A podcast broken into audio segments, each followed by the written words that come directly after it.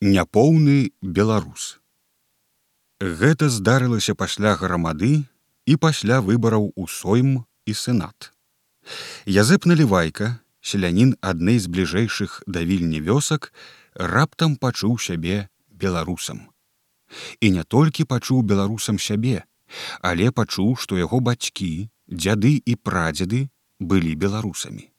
Налівайка раптам пачуў, што гэтая вёска, дзе ён жыве, што суседнія вёскі, которые акружаюць яго вёску, што гэты край, дзе стаяць гэтыя вёскі, што гэтыя лясы, рэкі, зямля і сенажаці, што параскідаліся ў гэтым краю, усё беларускія. Пачуў нават, што гэтае неба, которое расцягнулася над усім беларускім, также беларускае. Так так неба беларускае, бо яно ахварбована ў колер беларускіх кветак, васілёчкаў. Куды б не зірнуў вачыма, што б не пачуў вушыма, налівайка ўсюды і ва ўсім знаходзіў сваё, блізкае, роднае, мілае, беларускае. Прабудзілася нацыянальная сведамасць, як гавораць беларускія дзеячы. Але хоць налівайка чуў сябе беларусам паміж усяго беларускага, усё ж такі быў маркотны і нават сумны. Гэтую маркотнасць і сум збуджала думка, што ён няпоўны беларус. Ён думаў, што нечага ў ім не хапае, нечага не стае, каб адчувацца поўным беларусам так, як ён адчуваецца поўным гаспадаром на сваім невялікім надзеле. Думаў, што нечага ў яго няма, а чаго дык і сам ён не ведаў. Налівайка пытаўся ў суседзяў, чаго ў ім не стае да поўнага беларуса, але тыя толькі пасміхоўваліся і казалі: « Трэба зрабіцца паслом нетыкальным, дык і будзеш поўны беларус, ніхто і нічога да цябе не даткнецца. А налівайку ад гэтага станавілася цяжэй і цяжэй на душы. Ён ужо хацеў бы, каб не адчуваць беларуса ў сабе хацеў бы адмовіцца ад усяе беларускасці, але няма як. Як не будзеш адчуваць беларускасці, калі ён сам беларус і яго продкі былі беларусамі. Як не будзеш адчуваць беларускасці, калі яго вёска, калі гэты край, дзе яна стаіць, калі гэтае неба, што расцягнулася над гэтым краем беларускія. Як жа тут не адчуеш беларускасці? Як адмовішся ад беларускасці, калі ўсе ведаюць, што ён беларус, суседзі ведаюць, што ён ненавідзіць паноў. Вучыцель ведае, што ён падаў дэкларацыю на беларускую школу. Паліцыя ведае, што ён маракуе на сучасны лад і парадак. Ксёнз ведае, што ён падпісаўся на беларускую мову ў касцёле. Войт ведае, што ён праклінае асаднікаў, пан ведае, што ён чакае прырэзкі зямлі з яго маёнтку. Але ж усе, Але ж усе ведаюць, што ён беларус. Сам жа ён і яго жонка і яго дзеці гутараць па-беларуску. Як жа адмовішся ад беларускасці. Але налівайка ўсё ж такі думае, што яшчэ нечага ў ім не хапае да поўнага беларуса. Пытаўся, пытаўся ў суседзяў, але нічога не дапытаўся, толькі на кпіны сябе выставіў. Вось казалі безгаловы беларус, супакою няма. Пачаў налівайка пытацца ў людзей суседніх вёсак, чаго ў ім не хапае да поўнага беларуса. Адны, цяжка ўздыхаючы, казалі, што трэба быць адукаваным вышэйшаю асветаю. Другія, пасміхоўваючыся, казалі, што трэба пасядзець у вастрозе за палітыку. Трэція, здзіўлёна пазіраючы, казалі, што трэба мець веру ў Беларусь. Але кожны ў канцы свайго адказу дабаўляў: Можа, тады б ты і зразумеў, чаго ў цябе не хапае. Здавальняючага ж поўнага адказу ніхто не даў. Ніхто не сказаў, што маўляў, трэба тое ці гэта зрабіць, гэта або тое мець, дык і будзеш поўны беларус. Аж нарэшце налівайка спаткаў знаёмага панічыка, который ў часе выбараў у сойм і сенат агітаваў за беларускіх паслоў. Запытаўся ў яго: Чаго ўва мне не хапае да поўнага беларуса? Ужо і ўсё здаецца раблю, што кажуць, але думаю, што я не поўны беларус.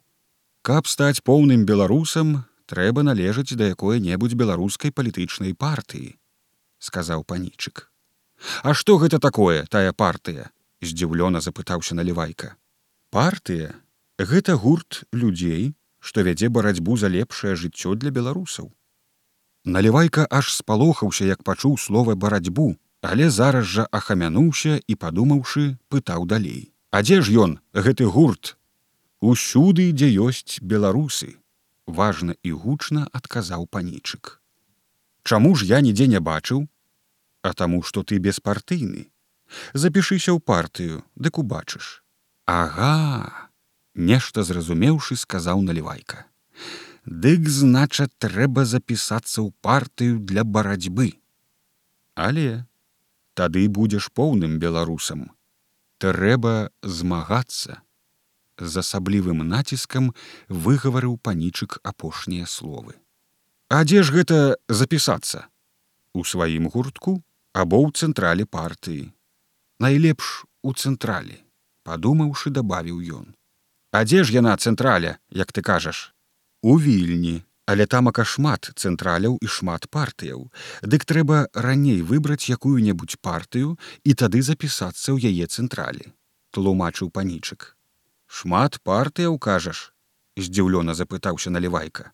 Але беларуская хрысціянская дэмократыя раз сялянскі саюз 2 радыкальная сялянская партыя 3 дэмакратычна аб'яднанне праваслаўных беларусаў 4 беларуская нацыянальная партыя 5 лічыў панічык па пальцах адной рукі і прылажыўшы вялікі палец сказаў гэта большыя маюць цэнтралі. А колькі меншых таксама хапіла б на 5 пальцаў другой рукі каб лічыць пачаў а божа ж мой крыкнуў налівайка А навошта ж гэтулькі партыяў, калі мы адны беларусы, Ды як я чуў з газеты нас толькі два ці што мільёны. Дурань, кажа панічык. Чым больш гуртаў да барацьбы, тым лепш, больш сілы знача.